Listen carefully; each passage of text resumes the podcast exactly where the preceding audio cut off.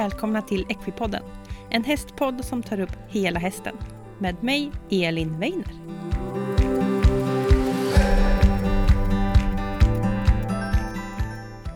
Hej alla Equipodden-lyssnare och välkomna tillbaka till podden och eh, välkomna till det här avsnittet. Idag ska vi få lära oss mer om västen och jag själv kan ganska lite om det här. Jag har testat på att rida västen sådär någon sommar, tyckte det var ganska spännande. Och min generella filosofi när det kommer till hästar det är att man kan lära något av alla och alla grenar. Så det här tycker jag ska bli superintressant. Och eh, jag har åkt och träffat Annika, Johanna och Jeanette som alla håller på med västen och rider västen. Och de berättar lite om vad västen är. Vi pratar om olika grenar. Det finns väldigt, väldigt många fick jag lära mig. Vi pratade lite om eh, utrustning, vi pratade lite om vad som kännetecknar hästen, vi pratade om hållbarhet och så vidare. Men sen går vi också in och pratar om två specifika grenar som de här tjejerna håller på med och är grymma på. Och då är det barrel race och pole bending. Eh, ni kommer få höra om allt vad det här är, men det verkar så roligt och så fartfyllt och så spännande. Så att eh, jag hoppas att ni ska tycka att det här avsnittet blir superroligt, för det tyckte jag. Eh, och är det så att man inte håller på med västen så finns det också en hel del intressanta tips och tankar eh, till, som man kan överföra i vilken ridning man än håller på med. Så var du än rider så är det här avsnittet värt att lyssna på. Ja, men med det så kör vi igång veckans avsnitt.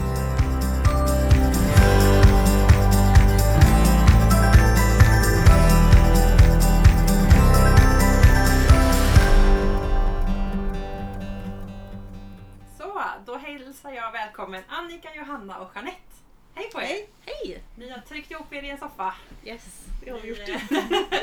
spelar in på plats idag, vilket är jättekul. Är allting bra med er? Ja, mycket bra. Det är bra. Det är bra. Stormigt, mm. mitten av april och aprilväder och vi ska prata västern idag. Och det ska bli jätteintressant för jag själv kan väldigt lite om västern så jag kommer få lära mig massor idag av er för ni håller på med detta. Men jag tänkte att ni kunde börja och berätta lite om vilka ni är och vad ni gör. Mm. Eh, jag kan väl börja då. Mm. Eh, och jag heter Annika. Och jag håller på med en västerngren som heter Barrel Race. Och den går ut på att man ska racea så fort man kan runt eh, tre stycken tunnor.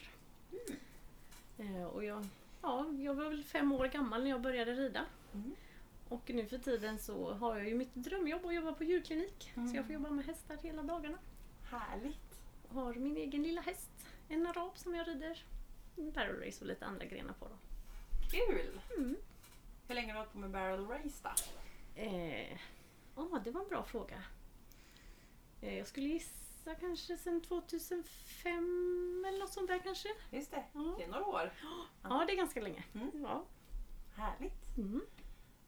Och så har vi Johanna med oss ja, också. Nej, mm. Johanna Davidsson. Jag är 18 och jag har jag rider berglois och poolbending och eh, massa andra grenar. Men främst berglois och poolbending. Mm. Men jag är väldigt allround annars. Mm. Eh, jag har hållit på med västen i, hur länge då? Typ eh, sen jag var, jag tror jag tävlade första, min, min första berglois-tävling var nog när jag var åtta. Tror jag. Mm. Tio år sedan ungefär. Ja, mm. så, ja, och innan det så var det engelskt. Då. Mm. Eh, dressyr och hoppning på ridskola. Typ. Så jag har ridit sen jag var tre kanske eller någonting. Så det har varit hästar hela livet. Verkligen. Skulle jag säga. Verkligen. Ja. Yes. Och så har vi med Jeanette. Ja, jag är äldre ja. Och jag började rida när jag fick ett Gotlandsruss när jag var 12 år och sen ja. har det fortsatt så. Och, eh, så då höll jag på med vanlig engelskridning. Men jag har alltid tyckt det varit intressant med västerridning så eh, 2012 så var vi på Backamo Bondes dag och så såg vi västerridning där. Mm. Och då blev jag helt såld och så mm. då träffade jag Annika. Och direkt så började vi träna för henne. Då hade vi en arab mm. som min eh, mellandotter hade fått. Eh, och sen har vi ju fortsatt då. Så nu så det slutade med att vi köpte en gård. Mm. Och nu har ju han och jag tre hästar som går västen då. Ja. En arab, en Appaloosa och en paint. Spännande. Som vi hoppas på lite olika västengrenar då. Mm. Och jag är ju mamman som eh, Eh, Ja, jag brukar säga att jag är professional fence rider. Jag, jag är ju den som springer i bakgrunden. Hjälper ofta till på tävlingar och arrangerar mycket och, Mm. och roddar och finns med i bakgrunden hela tiden och hjälper till. Mm. Så att, eh, men Mm. jag hoppas väl komma upp i sadeln emellanåt också. Ja. själv. Det är väldigt skoj att tävla så jag tävlar ju också lite. Mm. Mm. Det låter bra. Ja. Och det är ju bra att man kan hjälpas åt och rida när man har många hästar. Mm. Så det är härligt. Ja, eh, och vi ska prata om västen då. Eh, Och jag tänkte att ni kunde få börja lite och berätta om vad västen är och lite historiskt ursprung till den här, kan man säga ridstil? Eller sätt att arbeta med häst? Mm. Mm. Ja, alltså västerridningen från början den handlar ju om att jobba med kor. Mm. Alltså att man ska få en häst och mm, ja, vad ska man säga, vara väldigt eh, allsidig och kunna hjälpa till på gården och inte vara mm, rädd för olika typer utav saker. Eh, och det som folk eh, ser när de ser västerridning det är väl mer att man ser en västensadel och att man ser stångbett och sporrar och En cowboyhatt en cowboyhatt. Ja precis, att man rider på långa tyglar ofta och sådär. Mm. Det är väl det folk ofta tänker när de tänker på västernridning. Mm. Men det är ju mycket mer än så. Mm. Eh, Och i Sverige idag så har vi väl, ja, jag tror att det är 28 olika grenar att välja på. Oj, det är ganska Mm. många. Ja, det är många. Mm. Och man- hästtyperna blir olika för alla grenar passar för olika sorters hästar. Ja, just Mm. det. Mm. Så man nischar sig ändå ganska Ja. sådär på Mm. ungefär Ja. sina grenar. Precis. Mm. Och eh, västernridningen väl till Sverige, till Gotland, då tror jag faktiskt det var på Jaha. 70-talet. Mm. Eh, det- Gotland på Got- alla ställen. Ja, men Gotland är mycket turnerspel och, Ja, och det. västernridning så det kommer därifrån eh, från Mm. början. Sen har det spridit sig över landet och det som första som kom till Sverige då var ju roping och eh, barrel race.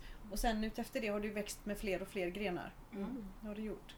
Mm. Och roping det är ju en mer påtaglig arbetsgren eftersom man fångar kalvar med lasso. Mm. Och det är ju väldigt bra att kunna. Mm. Man har ju kor. Mm. Just det, när man har mycket kor. Ja, Mm. precis. Precis. Sen i Sverige får vi inte tävla på att fånga lasso på levande kor. Jaha. Så att eh, på tävlingar då har man en plastko som man kör efter en fyrhjuling. Oj, som springer då. Japp. Ja, ja. Men i USA är det... I USA får man. Tävlar man på det. Ja, Ja. det. Så här är det bara bönder som får lov Ja, de är ju tvungna många gånger att ha det Mm. till om man har skadat djur att fånga eller om man ska märka eller så, så behövs det det många gånger. Mm. Det är ett arbetsredskap Ja. helt enkelt. Ja. Mm. Har väldigt mycket grenar. Mm. Eh, ni har nämnt eh, barrel race och eh, pole bending och det kommer vi prata mer om Mm. för det är ju era grenar. Eh, men ni nämnde också eh, rodeo förut innan vi började spela in Ja. här. Mm. Eh, fast det kanske inte är en gren, det kanske är en samling. Är en Rodeo, samling, är- ja, ja, det är säga. samling. Mm. Det finns väl olika kategorier i västern-tävlingarna skulle man väl säga. Mm. Det finns ju de som är mer dressyraktiga när man ska man ska mer visa upp hästen och Mm. kontrollen på hästen. Sen finns det de här tidsgrenarna där man tävlar mer på tid och allting ska gå fort och sånt där. Så det är, det är mer rodeo då. Mm. Och, och eh, en Och hel mängd kogrenar. Kogrenar. Mm. Ja. Man har olika sätt att valla kor. Mm. Och då, då har vi till exempel som Johanna börjat träna lite grann med våran paint, det är ju cowhorse. Då rider man ju både ett dressyrmönster Ja. och sedan när man har tävlat det så tar man in en ko och så vallar man ju den kon och visar att man har kontroll på den. Så det handlar ju om att man har full kontroll på sin häst. Det är väl en, en av de svåraste grenarna man kan göra faktiskt för då ska du ha koll på dressyren och du ska ha koll på att kunna samarbeta med en ko. Mm. Då är det ju en dans med tre parter Mm. kan man säga. Och jag har ju tävlat en del också i något som kallas för teampenning och teamsorting. Mhm. Och då ska man sortera kor i nummerordning på tid. Oj! Och det är ju två Sortera hur då? Att de ska komma ut på olika sätt eller? Ja, det, om man tittar på teamsortingen så har man en stor åttfolla som ser ut som en stor åtta. Ja, Och sen har du ett hål emellan, Ja, liksom just i mitten där. en, en folla alltså. Ja, precis. Och sen är det två personer i ett lag. Och man börjar då med att ha alla kor i ena änden utav den här åttan. Mm. Och så är de numrerade med stora nummerlappar då på båda sidor utav magen eller på ryggen Ja. eller vad man ska Ja. säga. Ja. Eh, Och sen när du går igenom då tidslinjen, den här mitten, Mm. så får du ditt nummer. Och då börjar man till exempel på 3 så ska du sortera dem då 3, 4, 5, 6, 7, 8, 9, 0, 1, 2. Okej. Och då har man antingen 75, 90 eller 120 sekunder på sig. Oj, det är inte mycket. Nej, det går fort. Då ska de Eh, in i follan i rätt ordning. Ja, precis. Jätteskoj att titta på. Ja, det är väldigt kul. är och väldigt får kul. du fel ko över då blir du diskad. Ja, det Eller man jag. får noll poäng då. Liksom. Det är väldigt lätt att de slinker igenom det där Ja, det är väldigt lätt. Mm. Nej, men det, det är ju en sån det är ju en sån gren som man gör mycket i arbete med kor. Mm. Faktiskt. Och den är kul för publiken att se. För Ja. där förstår man ju verkligen, ja men har du fått rätt ko in så förstår du att ja, ja Ja, men då har den vunnit. Det ja, det är väldigt, det blir ju också, man är ju lag liksom så där Mm. handlar mycket om att man ska kunna Teamwork. Ja, teamwork liksom. Så det Mm. kan, man kan höra mycket svordomar och Ja. sånt från detta. Man står och gapar här kommer en ko, akta på dig. Ja, och det här är väldigt, det är hands-on grenar. Sen finns det ju de här jättestora bredderna av alla dressyrgrenar vi har. Och, Mm. Trail är väl en sån gren som är gränsöverskridande mellan olika ridgrenar. För vi, Mhm. i västern har vi ju det som vi kallar trail. Då har man ju en bana full med bommar med Mm. diverse olika svårighetshinder och man ska Mm. öppna Eh, man ska öppna en grind, det är Mm. obligatoriskt. Och så man ska gå över en träbro, det är också Mm. obligatoriskt. Och backövning. Mm. Och, och man ska backa en svårighetshinder. Mm. Man backar oftast i ett eller, eller en serpentin eller en Ja, labyrint. Eh, Ja. Och sen så är det ju en mängd olika bommar man ska ta sig över Mm. Eh, under väldigt kontrollerade former. Mm. Sen finns det Extreme Cowboy Race som vi pratade om. Ja. Då är det ju en svår hinderbana. Alltså, du ska ta dig över vatten, du ska kanske hoppa genom något svårt, du ska kliva över en bro, du ska gå en smal bro, vippbro. Eh, Ja. Eh, ja, det finns ju... Ja, det är i alla fall man ska visa att hästen är orädd och klarar vilka Mm. svårigheter som helst. Som det är om du är ute och vallar kor i svår terräng. Mm. Mm, kan man väl säga. Mm. Och sen så finns det extrema dressyrgrenar också. Mm. Som handlar om att du ska ha kontroll på din häst i tempo och rörelse. Så att det Mm. handlar också om koarbete egentligen för den ska ju vara lydig när du... eh, Mm. Mm. Ja, vi får väl vi prata lite om raining också Mm. som är Mm. den största västerngrenen. Ja. Eh, och den är ju också med i Svenska Ridsportförbundet. Ah. Eh, till skillnad från alla de andra Ja. grenarna. Vad innebär Eh, raining då? en raining kan man säga är västerridningens svar på dressyr. Mm. Eh, och då rider man dressyrmönster ofta i ganska snabbt tempo. Det är mycket volter. Mm. Och de som har sett eh, på raining eller tittar på västerridning så är det väldigt typiskt det här med slide stops. Typ när hästen Ah, glidstoppar. full fart Ja. och glider på rumpan in i Just stoppet. Och sen spins då när hästen gör jättesnabba... Just det, eh, nästan ett bak står still och så snurrar den precis, runt. och så snurrar den. just det. Precis. Och det går ju ut på att man ska kunna rida hästen utan att det ska inte Mm. synas att du Mm. påverkar hästen. Man rider på Mm. lång tygel. Mm. Det ska inte synas att du rör dig på hästen, eller hur Anna? Mm. Det ska, hästen ska se extremt lydig ut. Jag tror att det är att den grenen är från början att man ska visa upp att hästen är lydig inför att ta den på kor. Mm. För att eh, hästen ska liksom ha huvudet lågt på långa tyglar Mm. för det är så hästen vallar en kossa bäst och sånt där. Mm. Sen kunna vända fort och stanna fort och sånt där. Mm. Så det är liksom en, men som ett prov inför ja, för lydighet Mm. för att kunna arbeta hästen. Liksom. Just det. För när man, eh, när man eh, vallar en ko så kan du inte sitta och rida med tyglarna. Mm. För det tar för lång tid. för lång tid. Och ge hästen ett kommando via tyglar. Så att eh, det, det måste ske genom sitsen för att vändningen måste komma ifrån rumpan Mm. när man vänder framför en ko. Kommer den från Ah. tyglarna så är kon långt, långt borta innan du har hunnit dra i tygen. Mm. Mm. Så det är därför som, som det ligger sånt. Det är det därför man rider på lång tygel också skulle jag tro att, Mm. eh, att det är Mm. din sits du rider med. Hästen ska klara Mm. alla grejer själv utan ryttarens hjälp. Eller hästen ska lyda ryttaren. Eller liksom hästen ska kunna svänga fort och sånt här just för att ja, kunna lyda. Mm. Ifall en kossa är där eller någonting. Mm. Ska hästen klara det fortare än ryttaren liksom. Det känns som att man måste ha ett väldigt stort samspel med sin häst. Ja. Absolut. Eh, och de här små hjälperna. Mm. Det måste vara ganska svårt. Hur tränar man upp det? Eller hur kommer man dit? Att det blir Ja, de här små eh, hjälperna. Grundläggande bra markarbete innan du sitter upp på hästen. Mm. Mm. För att eh, om Mm. vi, det är ofta så att man, sitter, man får inte sitta upp förrän att man ser att de kommunicerar från marken. För det är där du kan skapa den relationen eh, så att man får den lyhördheten. Mm. Jag skulle nog säga att det viktigaste av allt från all träning när det gäller västerridningen, eller det är nog all ridning egentligen, det är eftergiften. Mm. Så fort du tar så ska hästen ge efter. Det får inte vara någonting så här, att den strävar emot eller någonting. Det ska Nej. vara eftergift. Finns inte det redan från marken så hoppar man inte upp. Det är liksom, och det får ju hästen att lyda så fort man bara gör minsta lilla grej så ska hästen göra. Den ska ge eftergift från dina tryck. Och då får man liksom hästen extremt lydig. Så då behöver man inte använda så mycket. Då räcker det att bara peta lite så vet hästen att den måste göra någonting då. Mm. Så då krävs det inte så mycket att kämpa med från ryggen sen. Västerridningen handlar ju mycket om att man ska gå undan för tryck. Mm. Eh, Och där man rider ju också med någonting som kallas för neck reining.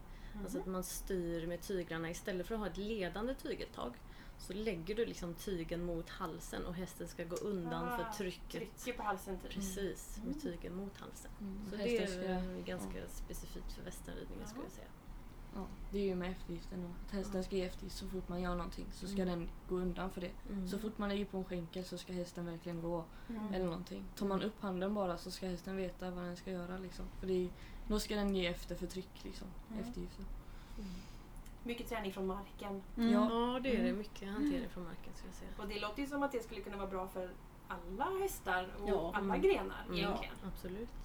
Mm. Är det sådär att man kanske trycker på hästen och man vill att den ska flytta sig och att jag själv flyttar mig och att hästen ska då följa? Mm. Är det sånt Mm. arbete? Absolut. Och där har vi ju inom västerridningen också som kanske är lite det är jätteroligt. Alltså vi har ju vad är det, vi har tre stycken grenar åtminstone som vi Ja, har som är från marken. som är från marken. Alltså, Mm. som, Mm. ja, jag, eh, jag har tävlat eh, för skojs skull. Jag är ju Mm. väldigt eh, men det, det, det finns något som heter showmanship Ja, showmanship at och, halter. och ett halter och så, Och så finns det- halterklass finns det något som heter. Det är en Mm. typ eh, exteriörbedömningsklass. Och det finns också en launch line. Ja, Alltså. Longeringsklass. Mm. Och Som så, är väldigt bra för unghästar att komma ut på. Att man får komma ut och på en, i en tävlingsmiljö och bara visa sig på en tävlingsplats. Mm. och så har vi ju eh, trail at hand. Alltså Mm. då har man en hinderbana som man, eh, Man leder hästen. leder hästen i grimma då. Och Mm. Det är jätteroligt och det är ju suveränt att komma ut med sin Ja. ettåring och tvååring och treåring. Mm. Att, eh, så att mm, sedan när vi sitter upp och ska börja rida och tävla, ja men då är ju hästen Hästen redan, van kanske att vara på Mm. tävlingsplatser och den är redan lydig och van Mm. vid miljön och sånt. Och, Mm. så att, och showmanship, den är ju, eh, då, är, då är det ryttaren som man visar upp. Mm. Mm.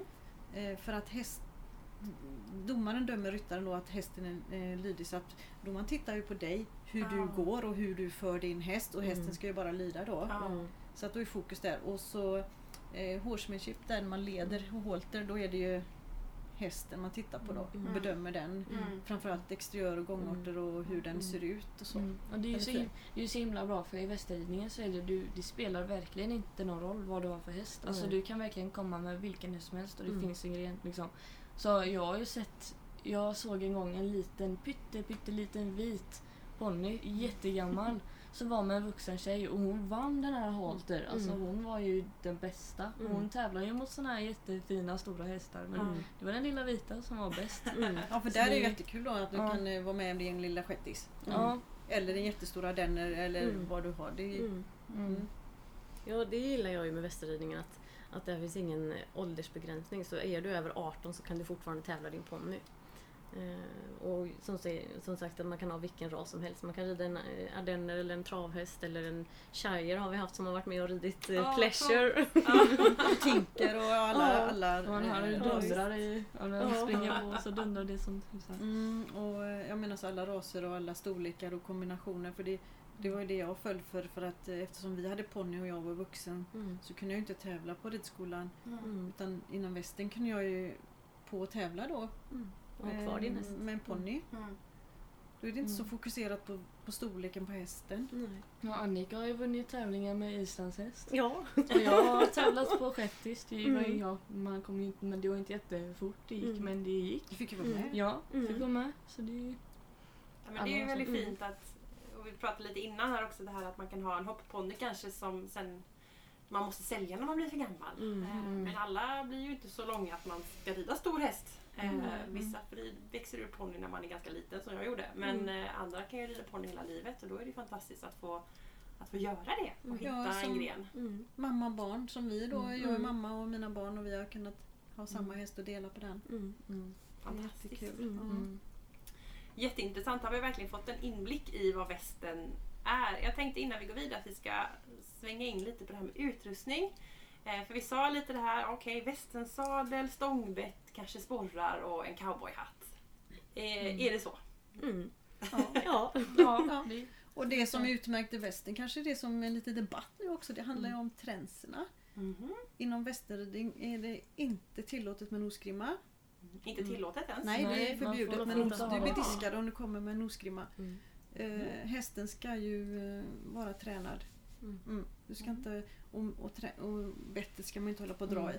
Ja, för det är ju liksom eftersom att västen är en lydnads... Alltså det är ju för att hästen ska lyda. Mm. Ifall hästen då gapar liksom, då är det ett tecken på att någonting inte är rätt. Just då det. är det att den antingen lider eller att den får ont, att den inte Mm. lyder menar. Mm. Eller så. Så att då, man hade fått jättemycket minus ifall det gapar och då får man ju inte ha hormonosgrimma för det måste synas. Mm, Liksom. Just det. Ja. Mm. Och sen så eh, sadlarna kan vi ju prata lite om. Mm. Där finns ju jättemycket för att Mm. de här västensadlarna är ju många olika typer beroende på Mm. vilken gren man gör. Mm. Eh, ja, för att... Eh, Rider man cutting till exempel så har man ju ett väldigt högt och smalt horn. Ja, För det är bra att hålla sig i det. Och en Ja. stor sadel för Ja. man ska kunna röra sig i Men sadeln. hästen Mm. rör sig fortare än vad vi gör då så Mm. då måste man kunna hålla i sig ordentligt. Lite marginal så. Eh, och, eh, och i pleasure så ska man sitta i en väldigt lodrätt sits och då har man en sadel som är mer som en dressyrsadel då att man ska Mm. komma den Ofta sitsen. mycket silver och bling bling. Ja, och- det Och ska vara mycket pynt. Ja. Väldigt, väldigt fina. Det ska, inte, det ska vara en liten prydlig knopp där istället som man Mm. nästan inte kan hålla i alls. Det ska bara finnas där för syns skull liksom. Och i roping så är det viktigt med en stor och bred eh, knopp eller eh, alltså det här hornet som man håller i då som, som du surrar lassot runt. Mm. Och att den är stabil då. Mm. Mm. Ja, sadeln är gjord för, som en sele kan man säga för Mm. att eh, man har en brösta och bakhjul på Mm. eh, en sån sadel för att man ska kunna släpa, släpa en ko och hålla emot Just en ko när man fångar den. Så den är väldigt robust byggd Mm. då. Mm. Eh, Och det måste, man måste ju ha en ropingsadel för man ska tävla roping också. Mm. För att det är, ja, så att sadeln ska hålla så att det ska vara säkert. För Mm. de är ju liksom byggda för att kunna ja, knyta fast en kalv i Mm. lassot liksom. Mm. Och då har man ett stöd bakåt då ifall Mm. Mm. Så sadeln upp. backa och sen så ett Mm. stöd, en brösta framåt då. Mm. Mm. och sen har vi barrel race. Ja. Ja. Då, då ska sadeln vara tight och den ska vara lätt. Lätt. För Mm. att i våran gren så är det ju som i galoppen då, ju lättare det är desto mindre vikt får hästen bära runt och Just vinner vid det. tiondels Mm. sekunder. Mm. Så, så i barrel race-sadeln så sitter man ju i en mockasadel, den är ofta sträv så att man inte flyger ur sadeln. Mm. Och ett väldigt högt horn för vi måste hålla i oss för Mm. annars så kan Mm. vi ju flyga ur sadeln. Mm. Och stigbyglarna sitter ju också fast lite mer alltså, Mm. om man jämför i en rainingsadel för där kan du ju glida fram mycket med, Mm. eh, med benen liksom framåt för att du ska kunna sitta ordentligt i en slide-stopp. Men här, här tar de stopp. Liksom. Mm. Man kan Och ju- gärna gummi i så man inte tappar stigbyglarna. Mm. Ja, man kan ju säga att Bellway-sadeln är raka motsatsen till Rooping-sadeln. För Mm. Rooping-sadeln är byggd för att man ska kunna hoppa ut fort från sadeln. Så Mm. stigbyglarna är stora, Mm. sitsen är stor och len så man ska kunna glida. Mm. Men i Bellway ska man sitta fast. Ja. Man, vill, man vill ju gärna åka med hästen när den svänger Mm. så det är liksom hög sits och mocka Mm. och allting ska vara slim fit och Mm. så här. Det ska vara jättelätt. Och den är väldigt Mm. djup i sitsen så att Mm. mm. bakvalvet är väldigt högt. Mm. För att när hästen skjuter på så ska vi inte flyga ur sadeln. Mm. Så där, där är Ja. Låter som att man blir inpackad i den här Ja, salen. det, Ja, det, det när man det kommer upp i fart. När man, det, det är först ja, när du Vi får en, komma och eh, prova någon gång. Ja, detta. det låter helt När klart. man kör lugnt tempo märks det inte men det är när vi kommer upp i fart som man märker det. Mm. Mm. Hur häftigt som helst. Mm. Så mycket sadlar. Eh, är det så att man då har olika sadlar att, att en häst kan ha? För jag tänker, om vi tittar på engelsk nu då, då kanske man oftast har en dressyrsadel och en hoppsadel. Det är samma lite här då, att man har Ja. kanske flera sadlar till en Mm. häst. Ja, Är har de inpassade lite samma som dressyrsadlarna? Ursäkta. Så det här med att det ska passa hästen, är det samma med västensadlarna? Ja. Väldigt svårt att hitta en matchande sadel. För Mm. det är det ju faktiskt. Det är så, eh, ja. och mycket, och en, en västensadel är ju inte paddad. Mm. Man har ju en träbom Mm. som regel i botten. Mm. Och så har man ju täckt den med fårull och skinn kanske. Mm. Eh, Engelsksadlar är ju stoppade. Mm. Så här har vi en djungel utav paddar som vi har eh, mot ryggen då. Just det. Olika tjocka och olika material. Mm. Oftast är det filt, ull Mm. alltså. Naturmaterial är, är det bästa. Så har man lite olika utformning på dem. Mm. Och de kan ju Mm. ha eh, uppbyggnad också beroende på vad man behöver fylla ut där det Mm. fattas eh, på Mm. ryggen då. Just Och sen är det ju en stor skillnad tänker jag med västensadlarna. De är ju gjorda oftast för att du ska kunna rida länge i en Mm. sadel utan att det är eh, skadligt för hästens rygg. Mm. Det är ju Just. ganska sällan du ser en, en västernhäst som har ryggproblem till exempel. Just det. Så att, eh, Intressant. Mm. Hon har nästan ryggproblem. Ja. Och också, jag tänker rida länge. Jag kan få ont i Mm. höfterna. Mm. Är det också för att ryttaren ska sitta bekvämt? Ja men länge? absolut, den är ju Mm. gjord för att du ska kunna göra alltså, från början då kossarbete och Mm. sitta i sadeln 8-10 Mm. timmar. Liksom. Oj, ja, Det är ju liksom, det är ju ranchhästar eller Mm. västernidén. Då Man är, de är i vilda västern, de är ute liksom Ja. en helg och Mm. vallar in sina kossor som Mm. är flera mil bort. Och då Mm. ska man kunna sitta Länge. eh, en stund i Mm. sadeln. Det är ju Både faktiskt så. Ja. En, jag har en hård sadel och när jag har ridit i min mjuka hoppsadel så har jag ridit ut en timme så är jag öm i baken men Mm. jag kan rida flera timmar i, i Mm. västersadeln och hoppa Mm. av och inte ont i rumpan. Mm. Så är det. kan vara ett bra tips om någon Mm. lyssnare här känner Mm. att eh, Mm. det är lite obekvämt att sitta i sadeln länge. Mm. Om man gillar Precis. att rida ut till Ja, exempel. ja, men Mm. innan en skogsmulle eller man, ja, sånt som man bara rider ut. Mm. Då skulle jag verkligen rekommendera västersadel. Ja. De är så sköna att rida Mm. ut. Intressant. Det är ingen aning om. Och Mm. man kan hålla i sig när hästen är beredd för rådjur. Ja, precis. Eller bussar. Ja. Man ramlar inte ut. Nej, man sitter stadigare gör man Mm. faktiskt. Och jag tänker om vi flyttar fram lite grann. Ingen nosgrimma, eh, Mm. men bett, eh, stångbett. Eh, vad är det för effekt på det? Mm. Måste man ha stångbett? Nej. Nej, det måste man inte. Man får rida på tränsbett. Jag Mm. rider ju nästan alltid på tränsbett.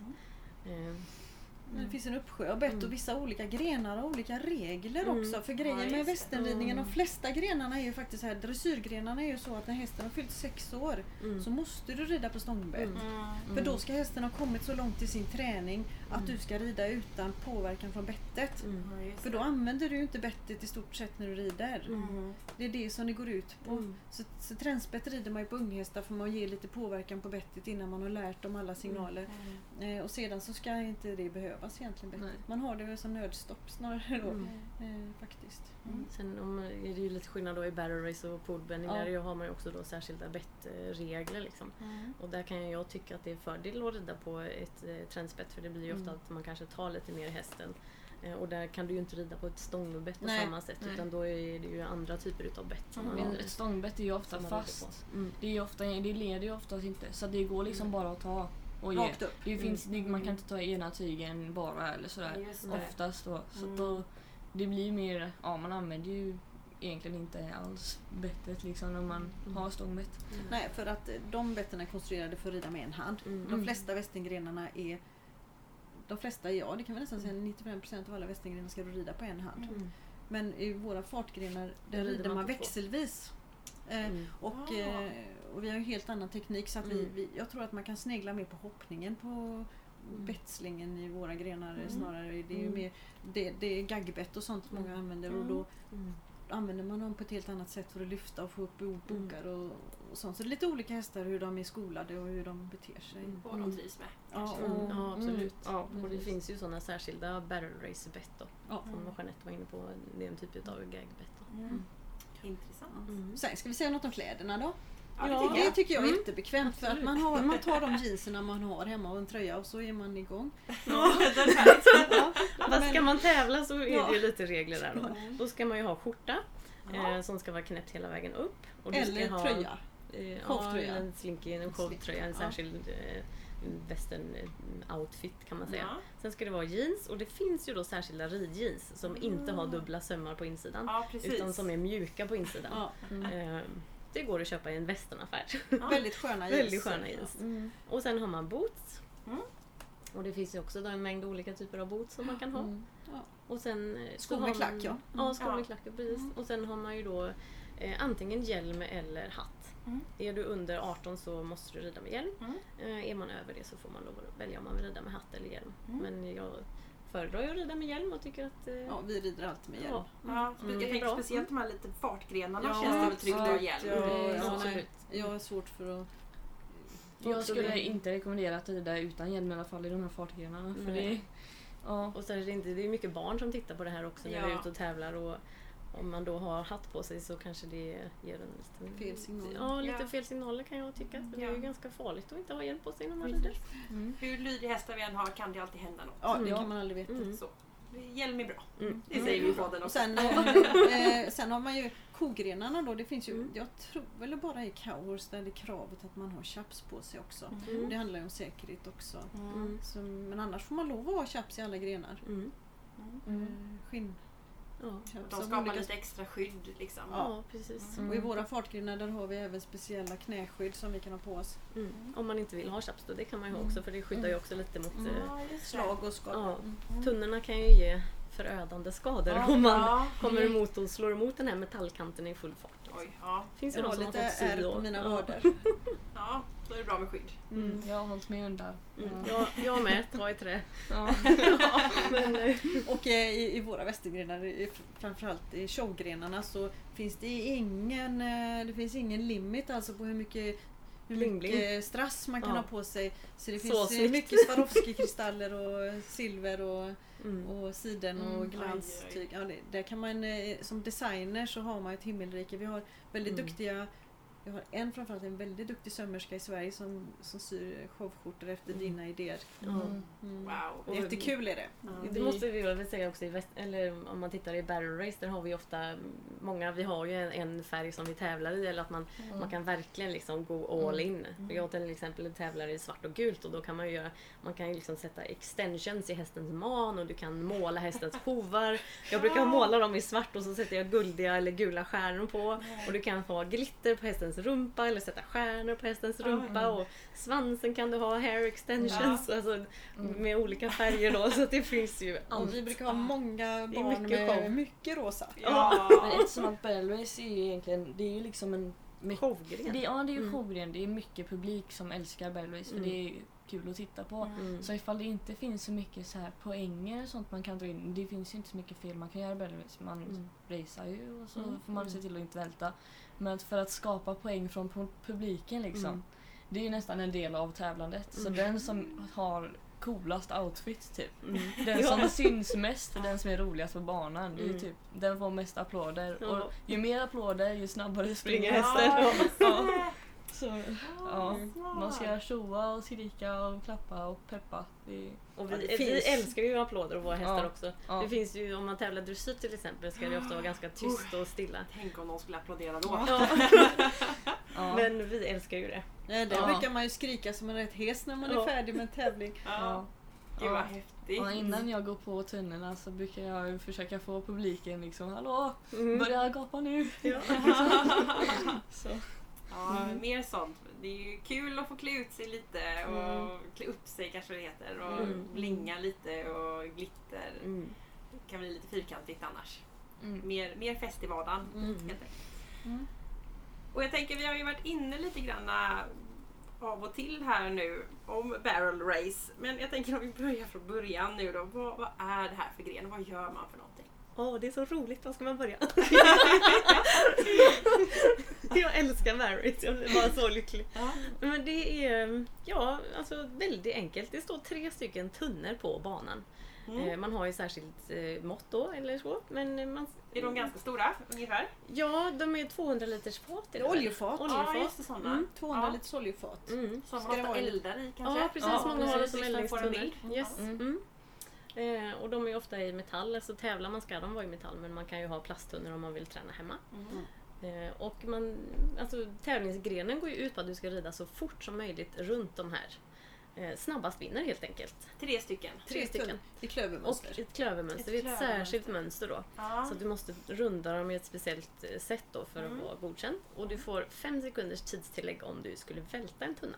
Oj. Och då ja. är man ute ur leken kan man säga för det är ofta hundradelar. Oj, oj, oj. oj. Mm. Eller om man rider fel väg så... Då blir man diskad. Ja. Mm. Det kan ju Ja. vara en ponny som inte vill gå dit du vill så blir det ju Mm. Ja, precis. Så att det är egentligen jättesimpelt. Så, Mm. så länge du går rätt väg och liksom passerar tidslinjen rätt Mm. och du vet, ja, Mm. bara du går rätt så är du inte diskad. Nej. Är det det- olika vägar eller är det alltid samma? Det är alltid samma. Alltid Mm. samma. Man kan Ja. ju välja att börja på vänster tunna eller höger tunna. Men då är det liksom fortfarande samma bana fast Ja, spegelvänt då. Mm. Men det måste vara rätt väg. Mm. Men eh, ja, det är egentligen det enda kravet skulle Mm. jag säga. Och sen kan vi säga, jag kör ju alltid en gren till då som heter poolbending. Eh, och då är är det sex pinnar Mm. som man ställer ut, typ som gymkhana-pinnar. På en linje? På en linje. Ja. Man behöver ha en 60 meter lång bana för den här banan blir så pass Oj. lång. Mm. Så har man eh, sex pinnar med två galoppsprång emellan. 6,4 meter. Ja, och då Mm. rider man först upp hela vägen från starten och sen så rundar man översta pinnen och så gör man slalom och vänder vid första pinnen och kör slalom igen och sen så rider man tillbaka och så ut genom mål. Så det här är ju en, en gren som kräver att har en häst som accelererar eh, väldigt, väldigt mycket Mm. och sen är oerhört lydig och stannar och så kan smidigt eh, ta sig igenom Mm. de här sex pinnarna och eh, inte smita åt fel håll och så. Och det är som man ser på agility med hundar har Ja, man också den sekvensen. sen. Ja. Mm. Man ser nästan. Och Ja, jag tror transform, att man har den i working equitation också. Mm. Fast där, där pratar man ju, eh, då ska det vara snygga galoppombyten och sånt. det, Så det här poolbendingen Mm. är ju en sån gren som kommer ur träningen av en häst. För att här får du verkligen sätta galoppombyten på en häst. Och det gör vi i barrelracen också. Så de blir stadiga galoppombyten. Mm. Eh, men poolbendingen är ett jättekul komplement till barrelracen Mm. faktiskt. Mm. Och gör man dem liksom samtidigt eller är det Ja. två olika tävlings... Alltså, Det är två tävlingsgrenar. Ja. Eh, och, och det är ju så, båda är tidsgrenar och snabbast vinner. Och det är samma i poolbending Mm. som i barrel race. Att välter du en pinne så får du också fem sekunders tillägg. Mm. Sen i Sverige så rider vi alltid två hit, alltså två omgångar. Så att du rider, om du tävlar i barrel race då så rider du det två gånger. Så först en gång Mm. och sen så rider du en gång till och sen är det sammanslagna bästa tiden som vinner. Okej. Mm.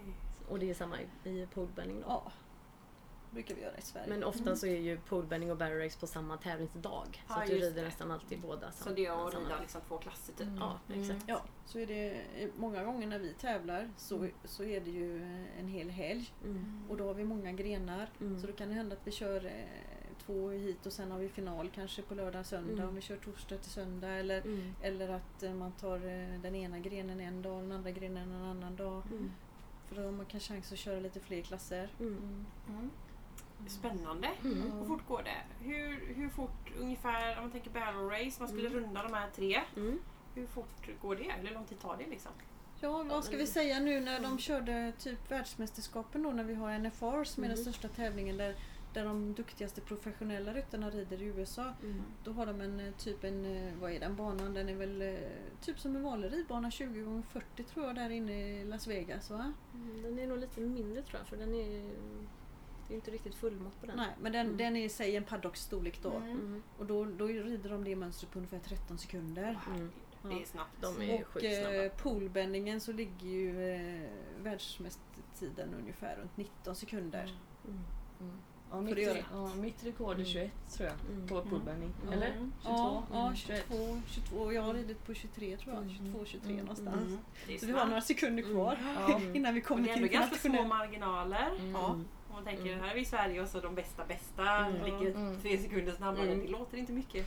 Men det är svårt att säga en vanlig tid, i Sverige i alla fall, på bellracen. Mm. För det är ju så olika mått. För att där, Okej. bellracen har inte ett, ett eh, liksom standardmått. Utan, Mellan tunnorna då? nej, Eller det har den det- egentligen ja, men det är ju sällan du kan få in det måttet på en Ja. bana i Sverige. Aha. Så att ofta får man anpassa måtten. Och sen Ja. är det ju också un- underlaget spelar ju jättestor roll Ja, underlaget gör jättemycket. för tiden. Ja. Inom västernridning vill man ju gärna ha måtten 30 gånger 60 på en bana. Mm. Och det är väldigt få banor i Sverige som har det och framförallt finns det ju inte många maneger. Mm. Så mycket av våra tävlingar är ju i Skara på Axevalla för där är en 80 gånger 40 manege. Mm. Mm. Så där har vi, kan vi köra fullmått då. Mm. Mm. Sen finns det i Skåne och vi har några ställen till där det finns eh, stora banor som, vi, som man kan köra fulla mått då. Mm. Mm. Det är ni och körtävlingarna Ja, som precis. eh, Ja. behöver komma ut på lite ytor Ja. helt enkelt. Mm. Ja, vad intressant. Och jag, och jag tänker så här. Hur tränar man upp hästen att kunna göra det här? Lär sig hästarna det här mönstret? Så man nästan bara hänger med? Ja. Eller vad händer? Tyvärr gör de det. Ja. Samma som dressyr, att man aldrig får öva mönstret. Nej, precis. Jag hade en häst som lärde sig exakt dressyrprogrammet. Det var jättejobbigt för de fattade allting upp för tidigt. Ja. Vi tränar aldrig mönstret så eh, direkt hemma utan de ska lyda vad vi vill att de ska gå. Mm. Mm. Det är mycket, extremt mycket lydnad. Det är, det är liksom... Vi brukar ju sällan racea så mycket. De gångerna vi racear, det är de gångerna man ser oss tävla. Det är liksom då vi verkligen gasar. Mm. Annars så är det bara lydnad. Jag Mm. menar alla hästar kan springa. Mm. Så att det behöver man inte träna på. Mm. Men det är inte alla hästar som kan lyda att springa Mm. en viss bana. Liksom. Så Mm. att det är bara liksom lydnaden och liksom Mm. accelerationen vi tränar egentligen. Mm. Och vi tränar ju att rida mönstret utan att bromsa. För det är det vi ska träna. Vi ska ju inte sitta och Mm. vi, ska, vi ska ju inte hålla in utan vi ska ju bara styra. Mm. Och det krävs ju mycket innan man kommer dit. Ja, det är att hästen ska gå och liksom placera sig rätt för att vi inte ska behöva bromsa och korrigera liksom ifall de kommer snett eller så. Mm. Utan det ska vara liksom rätt från början. Att man ska, ja, att hästen ska gå eh, ja, sätta fötterna rätt runt tunnan för att klara av en, liksom, en fart och så. Mm. Så det är mycket det. Och jag skulle säga att man, alltså, jag rider ju mönstret en del men då tränar man ju väldigt mycket i skritt och trav. Mm. Alltså att man rider långsamt. För Mm. om man skulle rida väldigt mycket i galopp och mycket snabbt så sliter det ju ganska mycket på hästen att rida Mm. sådana små eh, volter. Men om man rider det i, som sagt, i lugnt, alltså mycket handlar ju om tekniken och få in hur Mm. du vill placera hästen och Mm. hur du vill att hästen ska gå dina små volter och dina raka spår. För det är ju egentligen det det är. Det är raka, raka vägar och eh, volter. Mm. Eh, det är ju det det är. det, det är liksom. Att den ska kunna vända på noll och ingenting. Mm. Mm. Det, det, det är en väldigt smidighetsövning är det ju Mm. man, man ska träna upp. Mm. Sen är det ju också någon, någonting som skiljer sig väldigt mycket med barrel racen jämfört med andra grenar. Eh, det är ju att hästarna får adrenalin. Eh, och det, alltså det kan du inte träna Nej, hemma. Nej. Eller på en träning utan det får du på tävling. Det är jättemånga som har tränat hemma och hästarna går hur bra som helst och så kommer de på tävling och hästen och ryttaren alltså de får blackout. Liksom, för Oj. de har aldrig liksom upplevt det här vad som händer med hästen när den får det här Påslaget. Nej, Mm. Det är påslaget. som på en galopptävling. Ja, det är verkligen att Man jämföra kan, med bara, galopp. man kan nog bara jämföra det med Ja. om, man, om man är på en galopptävling. En häst står i en Mm. startfålla och far iväg för att det lär sig. Mm. Det, är, det är samma grej vi får Mm. på våra hästar. Så att där är det ju kunna eh, bibehålla kontakten med hjärnan på hästen Ja, så att mm, man kan få stopp precis. sen när den är klar och ha kontrollen på hästen så den Mm. inte tar Mm. övertaget då. Det är mycket mm. träning, adrenalin eh, påslagsträning. Och också det här att öva hästen på att lära sig att stå still. Mm. Även när den är igång. Ja, Ja. även när den är igång. Alltså, när jag har hållit en del träningar och så, här, så övar mycket på att stå still med hästen och att man kan ha det här lite som ett typ tjuvknep. Att man lägger handen bakom sadeln för då hamnar man själv lite i bakvikt. Ah. Och man andas lite mer automatiskt. Eh, och man liksom lär hästen, okej när jag har handen här bakom sadeln då ska du stå still. Ja, just det. Eh, då har man liksom ett litet tjuvknep. Tydlig, Mm. Lite tydlighet. Ja, så. precis. Ja. Samma som Mm. med cutting när de avbryter sin, eller när de har ridit färdigt och vallar den här kon så lägger de ofta handen på manken liksom, och det betyder att okej men nu, Nu är vi färdiga färdiga. Ja, Mm. just Mm. Så hästen Och liksom att man lär backar sig. några steg. Ta det lugnt. Ja, Det Mm. viktigaste är egentligen då att när man tränar en häst att springa fort. Det viktigaste är inte att hästen springer fort. Det viktigaste är att hästen ska kunna vara lugn igen. Liksom. Mm. Att den ska kunna stå still, den ska Mm. kunna vara lugn. Mm. Då kan man, sen kan man ju springa hur mycket som helst om hästen kan det. Mm. Så det liksom... det, det kan man ju se ofta när vi rider och sådär. Hästarna blir väldigt laddade innan vi kör Mm. iväg. Men sen när vi är färdiga så är de jättelugna igen. Liksom. Mm. Då Mm. slappnar de av. Mm. Men det är mycket träning för att komma Mm. dit. Det är väldigt mycket träning. De vet vad som ska hända och de tycker Mm. det är hemskt skoj. Ja, Ja, de, alltså vi har inte varit med om några träningar när hästarna inte tycker det här är görskoj. De, de blir så glada. De, Mm. det, de gillar det hästar. Ja. Ja. Mm. Så från 0 till 100 och 100 till 0. Yes. Ja. Mm. Fort ska det gå. Mm. Mm. Och mycket, jag kan tänka mig mycket kondition, smidighet och Ja. lydnad. Mm. Hur, hur tränar man i det då? Har ni några träningstips? Alltså jag åker till galoppbanan. Det är Ja. ett hett tips. Ja. För där får man bra kondition på hästen på Mm. ett skonsamt sätt. Mm. Eh, och där är det ju, mm, alltså om man åker till exempel till galoppbanan i Göteborg så finns det arrangerade träningar där. Och då är det inte som folk tror att man får komma dit och racea utan det är väldigt ordnade former. Liksom. Man skrittar och man travar och man kanske får galoppera en viss sträcka då. Och sen beroende på hur bra kondition hästen har så kanske du får racea. Eller, Mm. eller gå på lite fortare och sen ta det lugnt igen. Så det är mycket av konditionsuppbyggnaden som Mm. sker så. Så det är inte bara liksom att man åker dit och det är fullt blås. Liksom, för Nej, då får du en häst som blir helt koko. Mm. Och där tränar man ju även på det, hur hästen hanterar sig när, Mm. man, när den verkligen får eh, Mm. tagga upp och får springa Mm. på ordentligt. Mm. Och sen framförallt så har man ju, det är ju en, ingen annanstans du kan komma upp i det tempot. Tempot, va? Så man behöver ju en sån bana för att Mm. rider du på en grusväg så kommer du ändå inte upp i det tempot som du gör på en Mm. galoppbana. Och där kan hästen verkligen sträcka ut alla muskler och så att, Mm. så att den får kroppskontroll. Mm. Ja. Och jag Verkligen. rider ju ut väldigt mycket också. Ja. Alltså mycket Mm. konditionsträning ute, intervallträning, backar. Mm. Både, alltså, jag Mm. rider och galopperar både i uppför och nerför. Liksom, Mm. Att hästen kan det. Liksom. Mm. Så, att, för, så att han ska kunna klara att hålla balansen runt tunnorna liksom, i full Mm. galopp. Ja, det är ju väldigt viktigt med konditionen. Det är ju som Mm. på en bergloppstävling också. Är man eh, 10-12 ekipage och så är man på en liten uppvärmning liksom, ja, så kan man inte springa så jättemycket där. Sen så ska man in och racea 20 sekunder. Sen ska man gå och skritta igen och vänta en 10 minuter. Sen ska man racea 20 sekunder igen. Då blir det så här, man, hästen måste kunna klara av det. Och då är det mycket konditionsträning och intervall. Liksom. Inte så mycket för den prestationen utan för den mentala uppladdningen hästen gör och Ja, den ja. mentala urladdningen den gör. Mm.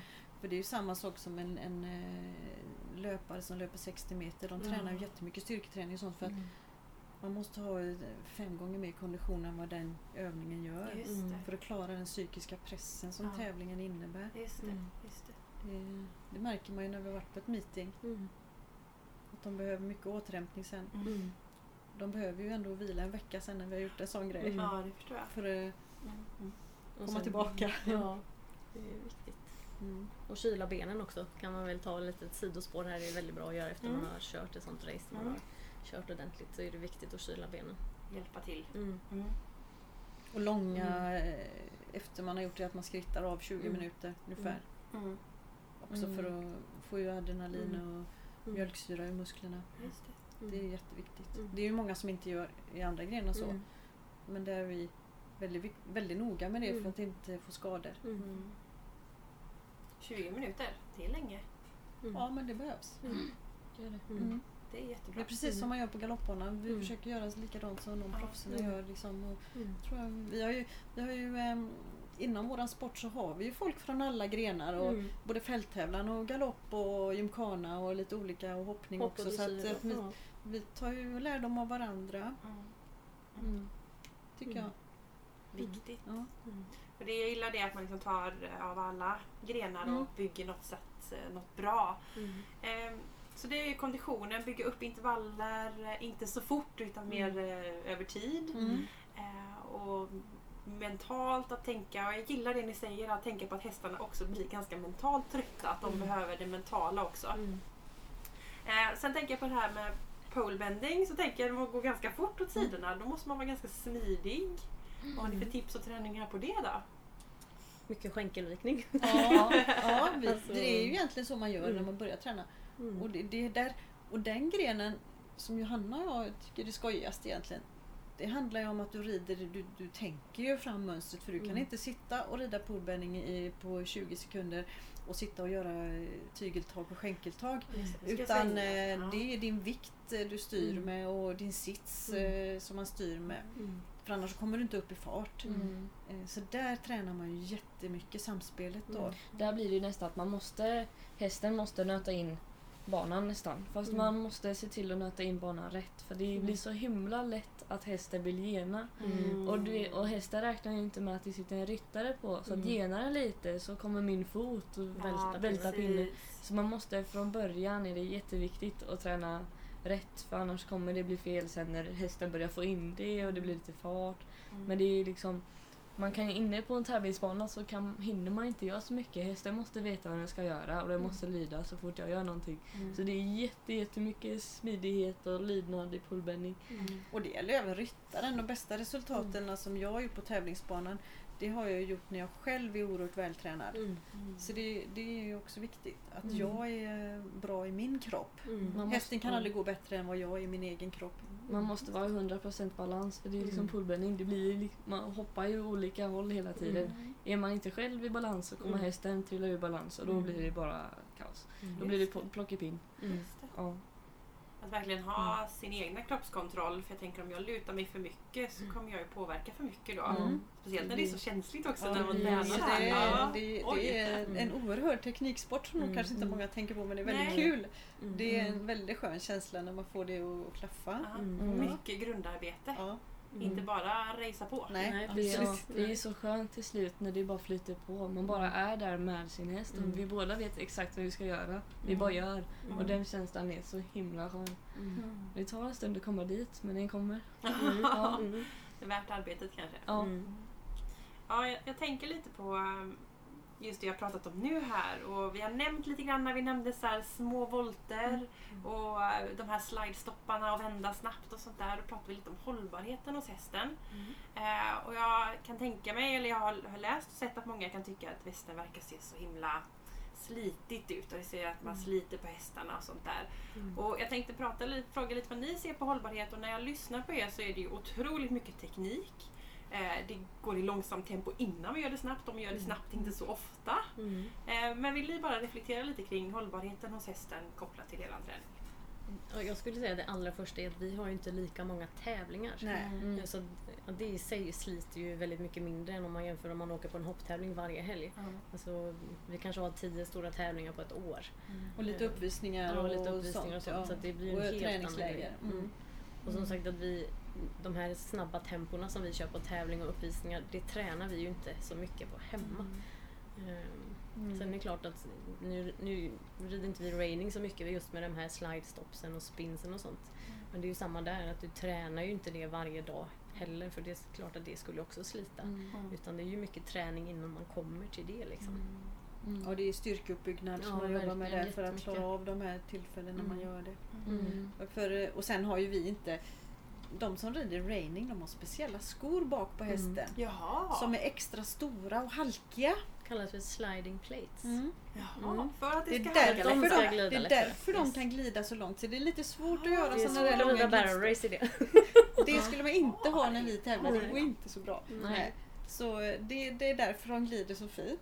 För det har jag tänkt på när de gör de här spinngrejerna. Så tänker jag, Mm. för en hov står still så tänker jag, hur kan den snurra så? Mm. Men då är det alltså en sko som hjälper till. Ja, Ja. de har speciella sliding plates. De är, mycket, de är dubbelt så tjocka som en vanlig sko och så är de släta. Ja. Mm, så lite längre och, Lite och längre. plattare och bredare. Mm. Så det blir lite som skidor nästan. Ja, precis. Ja. Mm. Så Så, det eh, hjälper ju hästen jättemycket ja, då. mm.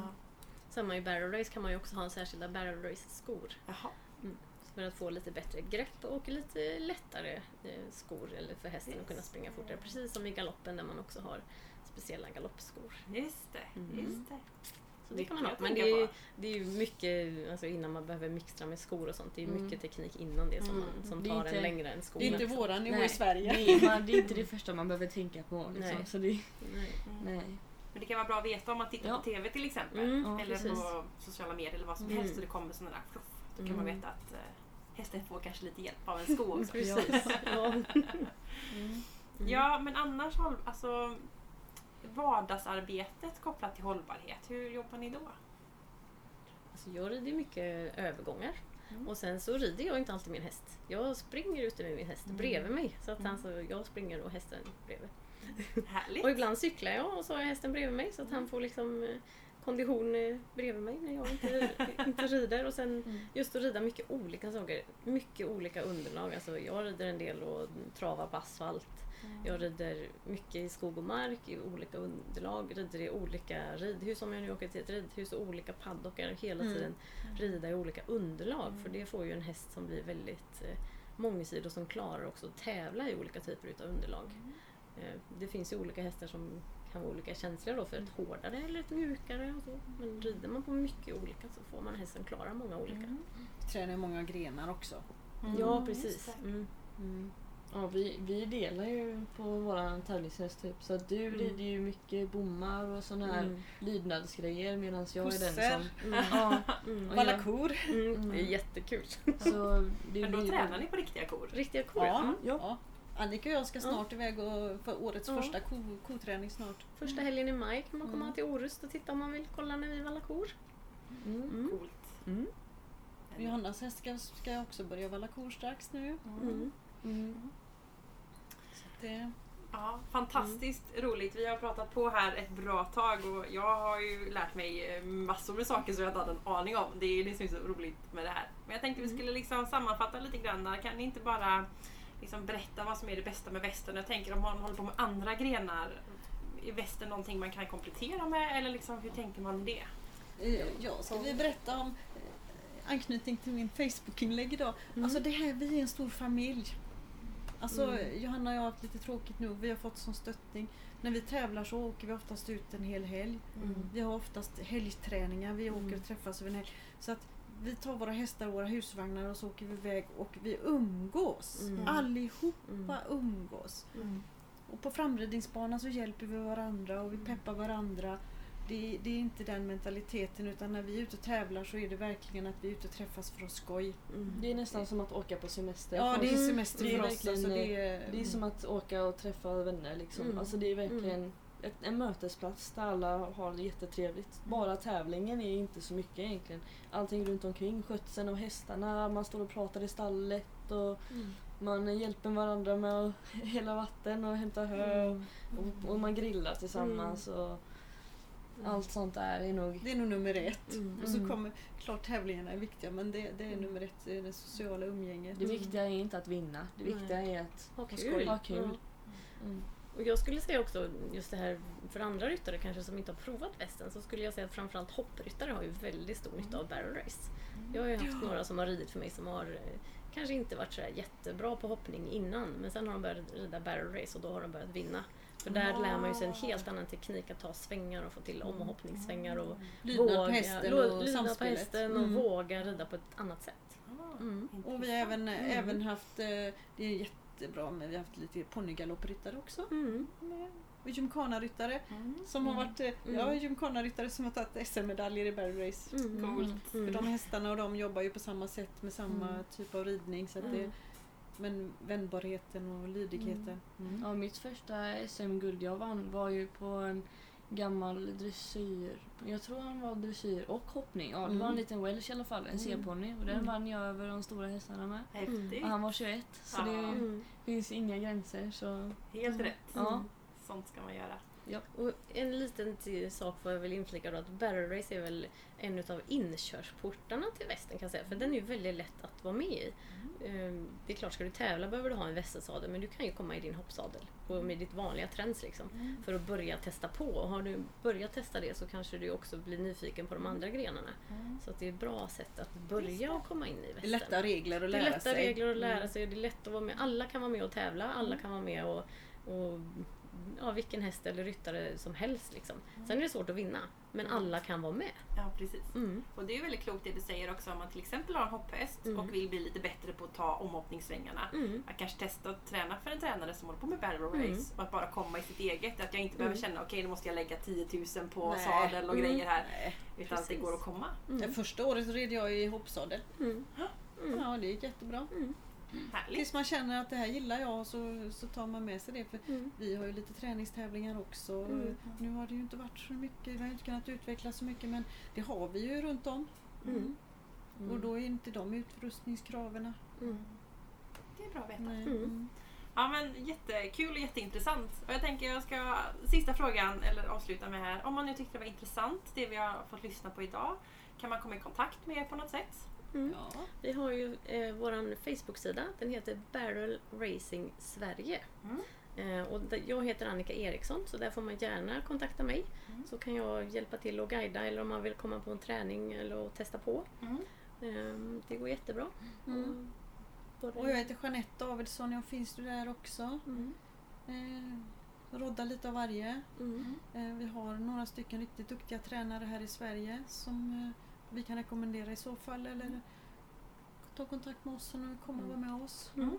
Mm. Ja, jag är inte jättesocial på Facebook men eh, jag finns på Instagram an- annars. Davidsson Johanna heter jag där. Mm. Mitt namn fast baklänges då. Mm. Så där är min häst-instagram. Så det, Mm. där kan man också, ifall man är ungdom kanske och inte kan skriva på Facebook så kan man ju skriva till mig på. Instagram. Mm. Instagram. Mm. Och, ehm, jag kommer ju börja hålla lite mer träningar nu så tisdagar kommer det vara träningar i Lilla Edet.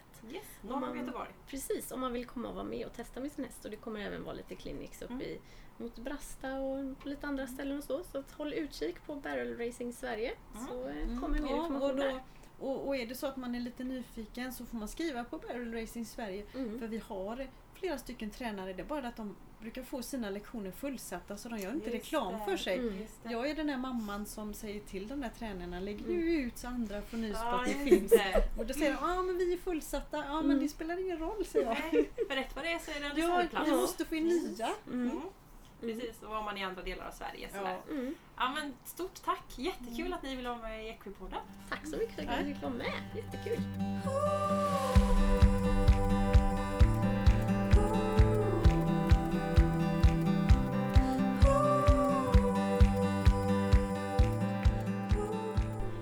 Stort, stort tack att ni ville vara med i Equipodden. Så kul och så intressant att få lyssna på er och lära oss om västen, barrel raids och polebending.